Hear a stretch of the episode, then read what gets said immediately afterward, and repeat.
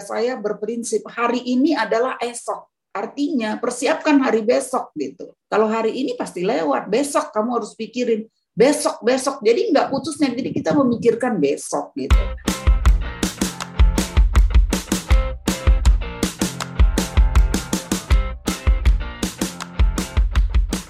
Nah, ini kita sampai di penghujung pertanyaan ya. Nah, ini saya mau tanya buat Tante Sianipar dulu nih yang pertama. Tan, ya. sekarang kan banyak nih orang muda, anak-anak muda yang baru punya anak dan masih kecil-kecil atau bahkan masih bayi. Kira-kira nih dari Tante ada nasihat nggak nih buat mereka, buat kita-kita semua terkait perjuangan menghidupi anak atau mengurus anak? Silakan Tan. Hmm, kalau dari saya sih uh, apa namanya ya uh, pesan saya ya bagi orang-orang muda, uh, orang-orang tua yang masih punya anak-anak kecil-kecil, yaitu tadi yang pertama kita harus sehati di rumah tangga itu. Harus satu harus satu tujuan ya itu yang paling utama ya. Harus sehati untuk mendidik anak mengarahkan anak itu yang paling utama. Kalau kita berbeda pendapat suami dengan istri anak-anak akan susah kita didik ya yang pertama. Terus yang kedua uh, kita sebagai orang tua juga kita harus menjadi apa ya harus jadi teladan harus jadi contoh tengah-tengah anak-anak. Karena tanpa kita menjadi contoh jadi teladan anak-anak tidak akan pernah uh, mau ya mereka ya menurut ya. Kalau saja uh, tidak melakukan gimana anak-anak mau melakukan? Nah, contohnya ya. Kalau kita dulu mendidik anak-anak itu selalu disiplin waktunya ada waktu-waktu untuk mereka untuk bermain untuk apa itu ada waktu-waktunya. Jadi nggak setiap waktu itu mereka boleh untuk melakukan hal-hal segala sesuatu bebas tidak bisa. Jadi kita juga harus anak orang-orang tua yang ada sekarang ya harus mendisiplinkan anak. Contohnya memegang HP ada waktunya waktu bermain. Itu harus di apa namanya ya uh, sebagai orang tua kita harus melakukan dengan baik itu. Yang terutama sebenarnya sih kita pimpinan dari Tuhan itu pasti ya karena semuanya segala sesuatu yang uh, yang kita rindukan, yang kita mau lakukan semua karena pertolongan Tuhan. Namun sebagai orang-orang tua, jadilah menjadi orang tua yang kuat,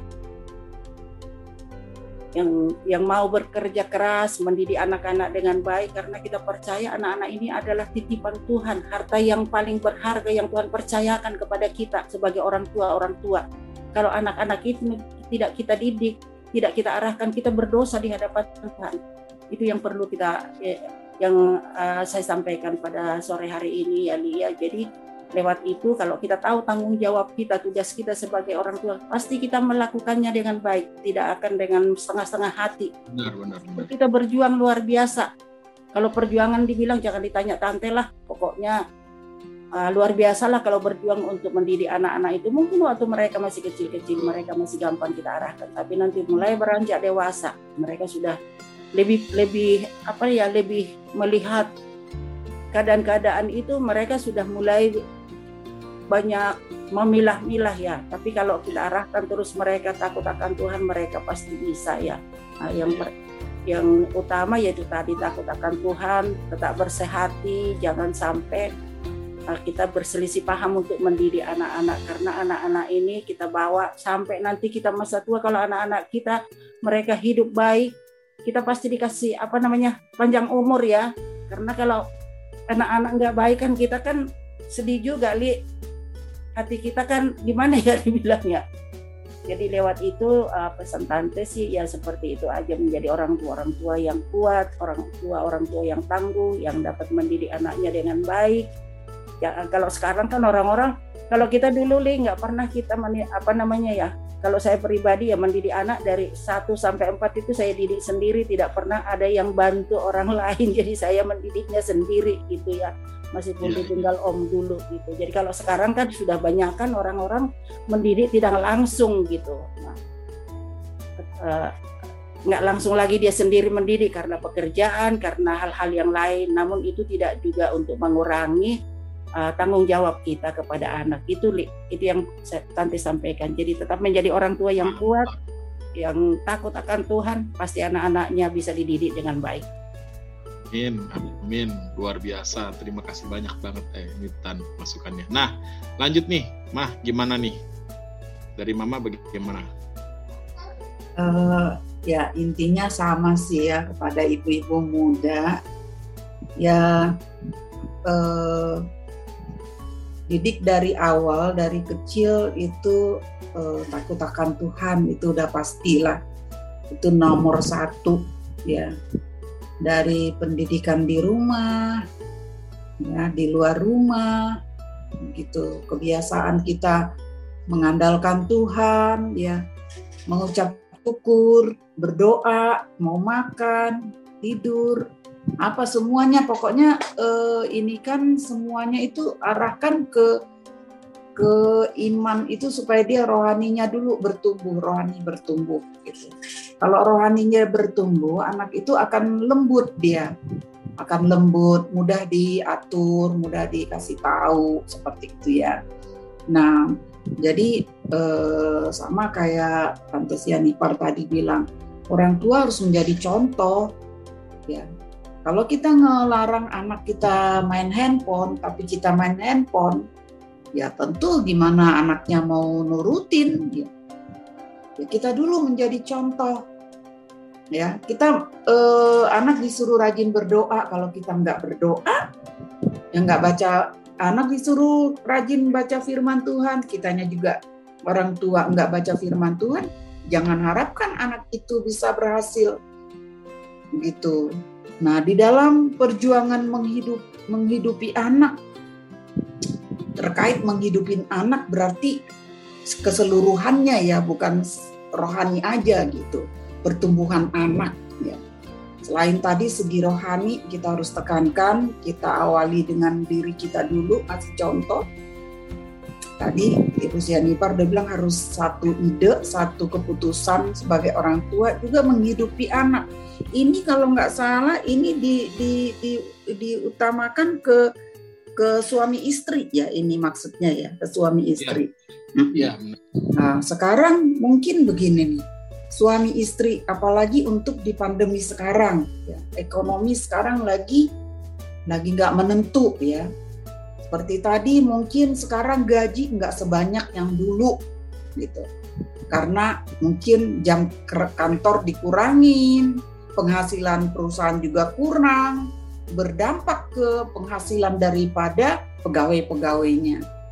Nah, sebagai orang tua harus kerjasama. Bagaimana supaya tetap masa depan anak ini ada gitu. Bagaimana caranya? Ya kita harus pintar-pintar juga ya memanage ekonomi, memanage keuangan ya. Jadi jangan jangan apa sekarang pandemi pandemi ini yang saya dengar-dengar orang-orang malah belanja melulu. Karena yang dilihat itu adalah iklan-iklan melulu. Yang dilihat Tokopedia, Lazada, apa semua itu. Di iklan di itu aja, di WA aja, main game mama aja masuk melulu itu Lazada. Masuk melulu Tokopedia. Mereka itu apa ya, gencar banget mempengaruhi kita, menawarkan sesuatu gitu.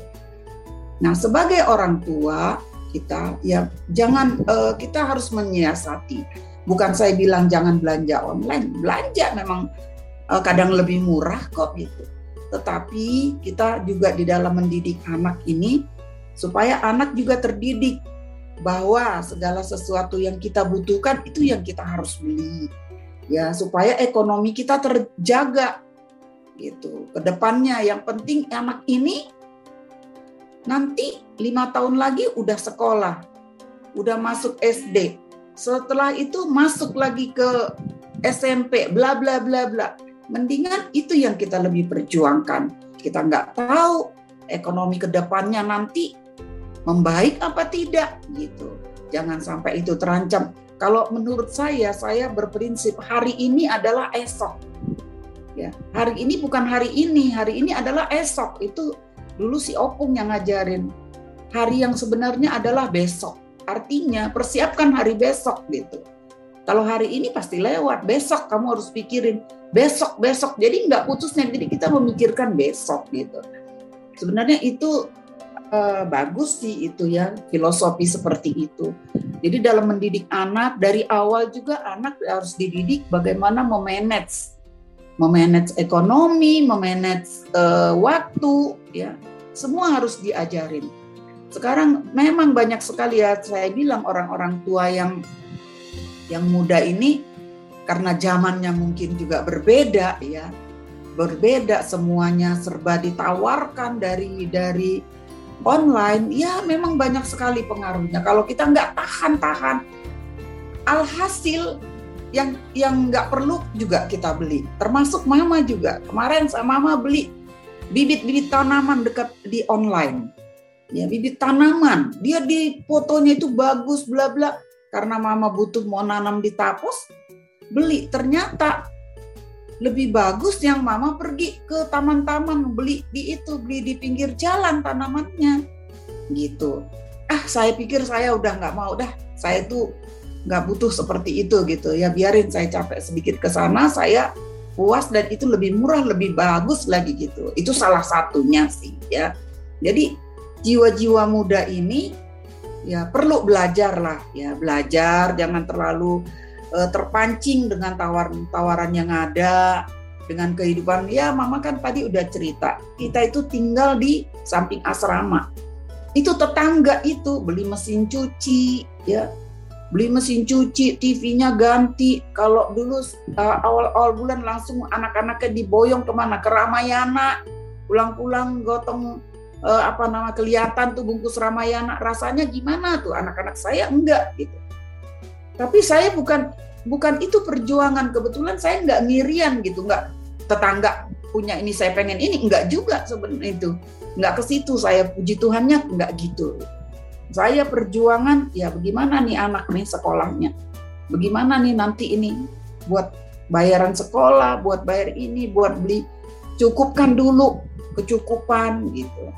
Jadi ya belajarlah dari segi rohani udah pasti tadi udah banyak tante Sianipar udah bilang ya lakukan dulu roh yang takut sama Tuhan itu udah penting banget gitu. Di awal rajin-rajin dia cerita boleh bukan nggak boleh nonton yang lain ya. Boleh main game boleh tapi benar ada waktunya. Jangan sampai juga anak kita eh, kurang pergaulan nggak ngerti apa-apa nggak ngerti dunia lain gitu ya. Jangan juga gitu tapi itu ekstra. Memang harus orang tua harus harus ini. Zaman sekarang ini zaman pandemi ini banyak di rumah ya itu kesempatan banget. Makanya kadang-kadang mama renungin ini pandemi ini Tuhan izinkan. Pasti ada maksud Tuhan. Tuhan tuh lagi mendidik semua manusia semua orang supaya apa ya merenungkan gitu bahwa Tuhan itu kepingin apa dari kita mungkin banyak kita di rumah banyak merenungkan kasih Tuhan, banyak mendengar apa suara Tuhan, banyak membaca firman Tuhan, banyak dekat sama keluarga, semuanya gitu. Jadi kepada ibu-ibu, eh, bapak-bapak dan ibu-ibu muda, pasangan-pasangan muda ya, berjuanglah untuk anak ya. Yang semaksimal mungkin. Ya, lihat kita orang-orang tua kayak Tante Sianipar bilang, "Aduh, kita kepala kalau ada pepatah bilang kepala jadi kaki kaki jadi kepala itu buat anak semuanya. Semuanya untuk anak. Nggak ada. Ibaratnya kita dulu makan kalau mama nih makan nih mama makan nih yang terbaik misalnya ya. Kasih dulu yang penting anak kenyang dulu. Ya kalau ada ayam yang penting anak makan dulu apa? Gue ceker cekernya kepala kepalanya atau apanya udah cukup bagi saya. Semua untuk anak jadi memang ke depannya itu semua untuk anak. Apa pun itu semua orang tua saya tahu itu. Tetapi jangan salah didik ya. Banyak orang tua yang salah didik. Kalau mama ya kamu tahu nih, mama tuh galak. Memang mama streng orangnya. Banyak orang tua ah udahlah kasihan. Akhirnya eh, dilonggarkan ya. Ah udahlah anaknya misalnya jam sekian nggak pulang nggak dicariin oh mama nggak bisa kamu kan tahu ya nggak bisa. Dia udah hal ini belum? Udah udah udah berdoa belum? Udah baca firman Tuhan belum? Udah apa belum? Apa? Memang sepertinya kita kayaknya mendikte banget ya. Tetapi ya itulah gaya orang tua. Kita kayaknya khawatir anak ini nanti jadi bagaimana di depannya. Karena firman Tuhan juga bilang zaman bukan semakin baik.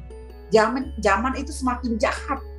Sekarang aja udah situasi gini, bagaimana ke depannya? Kita membangun anak kita, membangun fondasi yang kuat, yaitu takut akan Tuhan, disiplin. Nah, kembali lagi ke orang tuanya dulu. Segala sesuatunya, ya jangan bilang kerohanian aja. Ya, memanage keuangan, memanage rumah tangga, hubungan keluarga itu penting. Ya, jangan pikir kita juga ini anak keluarga kita, ya udah kita kita aja. Ya, itu sepupu sepupu sepupu itu nanti aja enggak, enggak bisa orang yang yang takut yang taat kepada Tuhan ke keluarga ke mana pun harus bersosialisasi ya. Harus harus harus. Itu semuanya keluarga. Kalau kita jadi berkat mau jadi berkat. Di itu di dididik anak dari awal bagaimana menjadi kesaksian menjadi berkat nanti besarnya ya. Kayak Tante Sianipar bilang kalau anak udah gede-gede udah susah diajarnya. Dari awal dari kecil say hello kepada keluarga ya apa menghargai semuanya.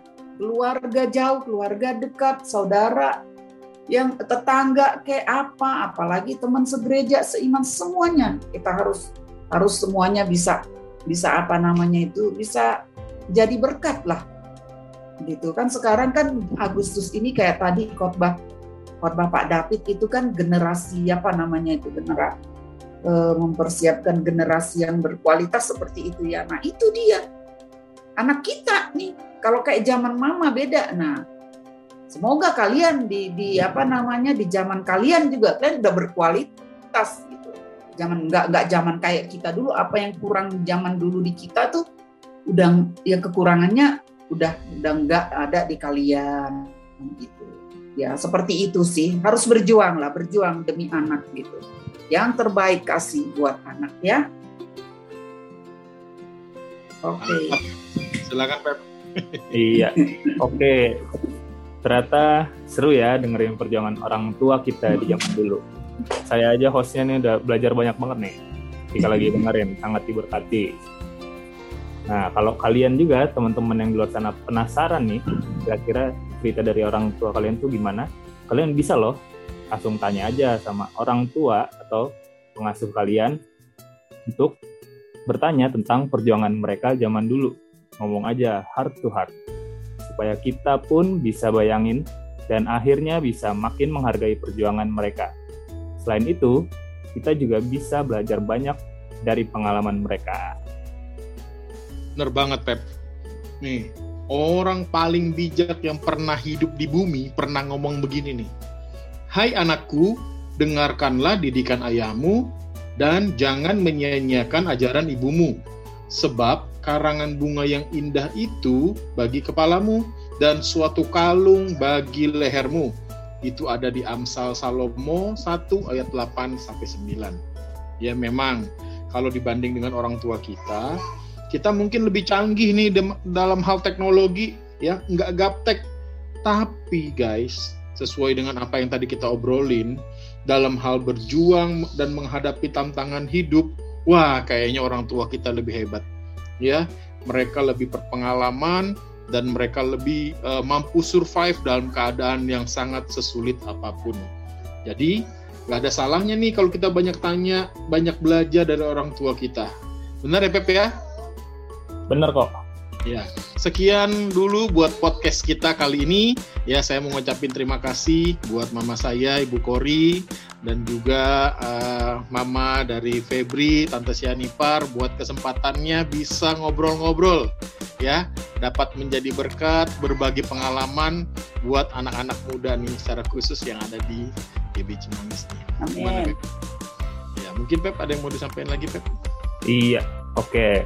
Saya juga mengucapkan terima kasih buat Tante Kori untuk waktunya, untuk pengalamannya untuk semua yang sudah diberikan kepada kita, buat Mama juga untuk setiap pembelajarannya, biar kiranya kita dan setiap teman-teman yang akan mendengar boleh mendapatkan banyak berkat dan yeah. boleh menjadi berkat. Amin. Amin. Terima kasih.